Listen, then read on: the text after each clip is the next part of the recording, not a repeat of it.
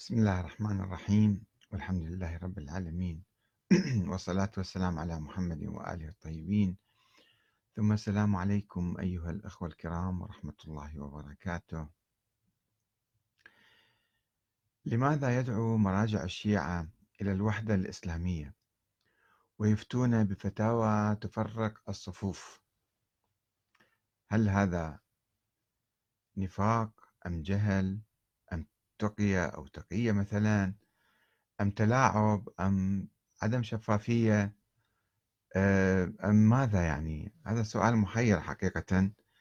الشيعة يسألون هذا السؤال قبل الأخوة السنة طبعا لا نعمم لا نقول كل المراجع إنما هناك مراجع كثيرون آه، السيد السيستاني مثلا يدعو إلى الوحدة الإسلامية والوحدة الوطنية كثيرا وهو فعلا قام بدور كبير في الحفاظ على الوحدة بعدم الانسياق وراء ردود الأفعال ضد دعوات التكفير التي أطلقها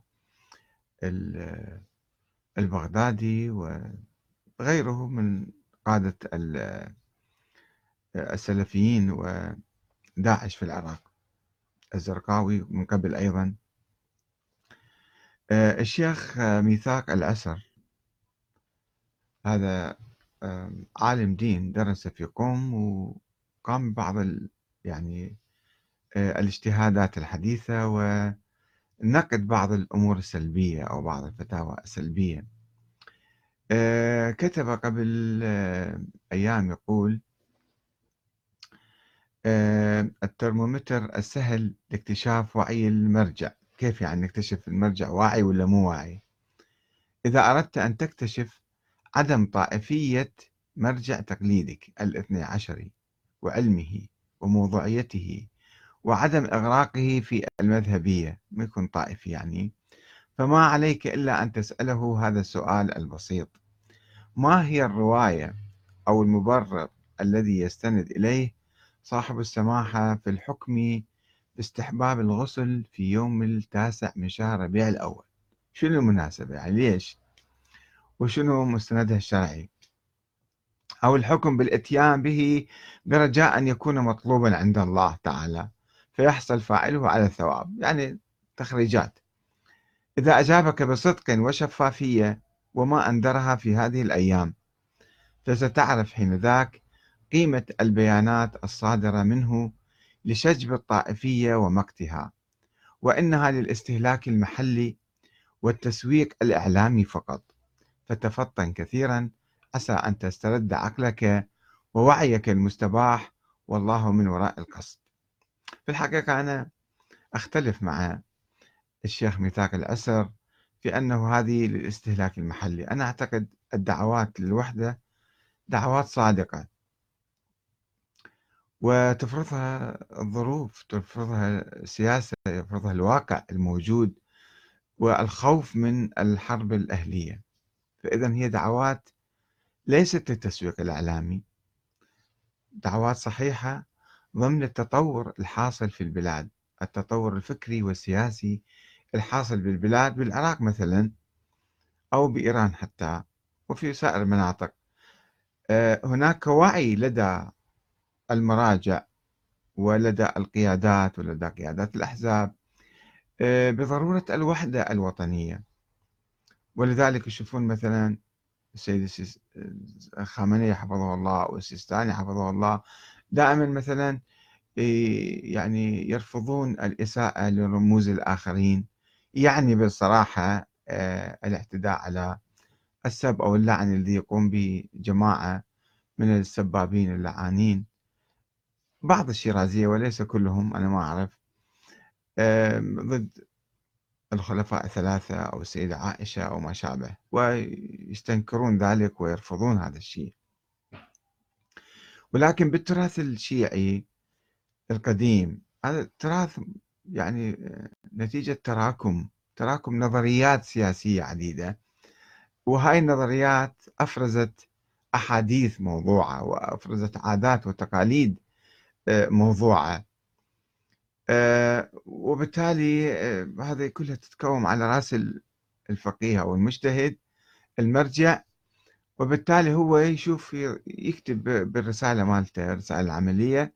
بعض الفتاوى وتذكرون قبل أشهر في عيد الفطر صدرت فتوى من مكتب السيد السيستاني بعدم جواز إعطاء زكاة الفطرة إلا للمؤمنين إلا للشيعة يعني ما يجوز تعطيها واحد آخر. وهذه أنا كتبت عنها وعلقت عليها وقلت هذه الفتوى مو صحيحة ولكن مثل هذه الفتوى دائما تصدر فتاوى عندنا آه، يوم التاسع من شهر ربيع الأول يقال أو يفترض أو هكذا يزعمون بأنه يوم مقتل الخليفة عمر بن الخطاب وما يسمى بفرحة الزهرة. هو طبعا قتل واستشهد في شهر آه، ذي الحجة.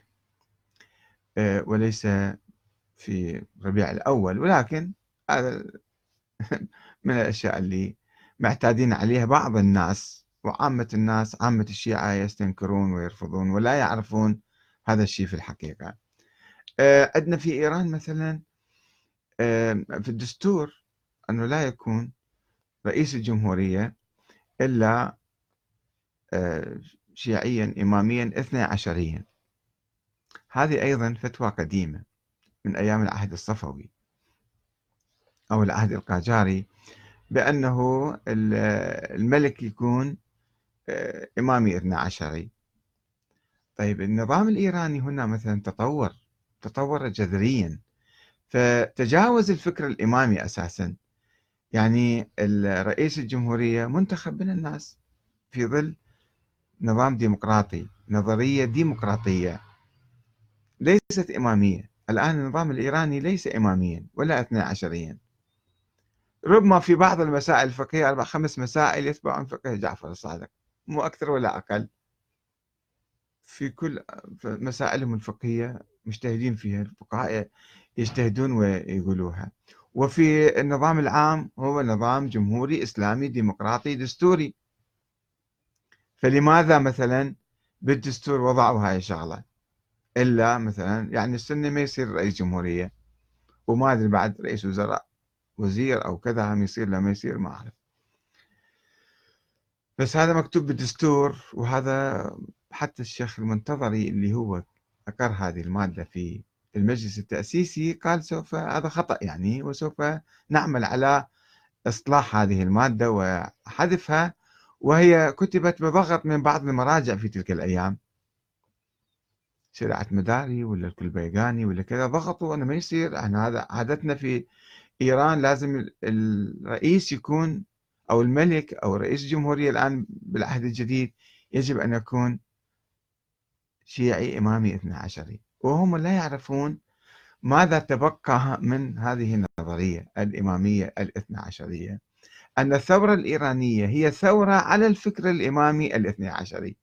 فكيف تقر وتأتي ثم تعود لكي تثبت أن الرئيس يجب أن يكون. ما هو النظام جوهريا؟ صار نظام آخر. فلماذا التشبث بهذه العادة القديمة أو الفتوى القديمة أن الرئيس يجب أن يكون؟ يعني حتى لو ما كتبوها هو عمليا اوتوماتيكيا راح يكون من هالجماعة التقليدية التاريخية هاي الطائفة مثلا. ولو حتى الطائفة لم يعد لها وجود. الطائفة الاثنى عشرية الإمامية لم يعد لها وجود لا في إيران ولا في العراق ولا في لبنان ولا في أي مكان. وهذا كلام ربما البعض يستصعبه من عندي يقول شلون؟ هذا شو الايرانيين كلهم شيعة وإمامية واثنى عشرية قايمين قاعدين إمام المهدي وكذا. فشلون تقول الكلام؟ أنا أنظر إلى الجوهر ما أنظر إلى القشور. حسب دراستي لتاريخ الفكر الشيعي وتطور هذا الفكر. هذا الفكر الشيعي السياسي كان فكر سياسي ولائي حول أهل البيت في القرن الأول وفي القرون الثلاثة الأولى. عموم عامة الشيعة كانوا يوالون أهل البيت حبا وولاء سياسيا ولم يكونوا يعتقدون بنظرية الإمام الإلهية إلا فئة صغيرة جدا من الشيعة. فئة صغيرة جدا وبصورة سرية باطنية. ثم في القرن الرابع آه، صارت النظرية الاثنى عشرية.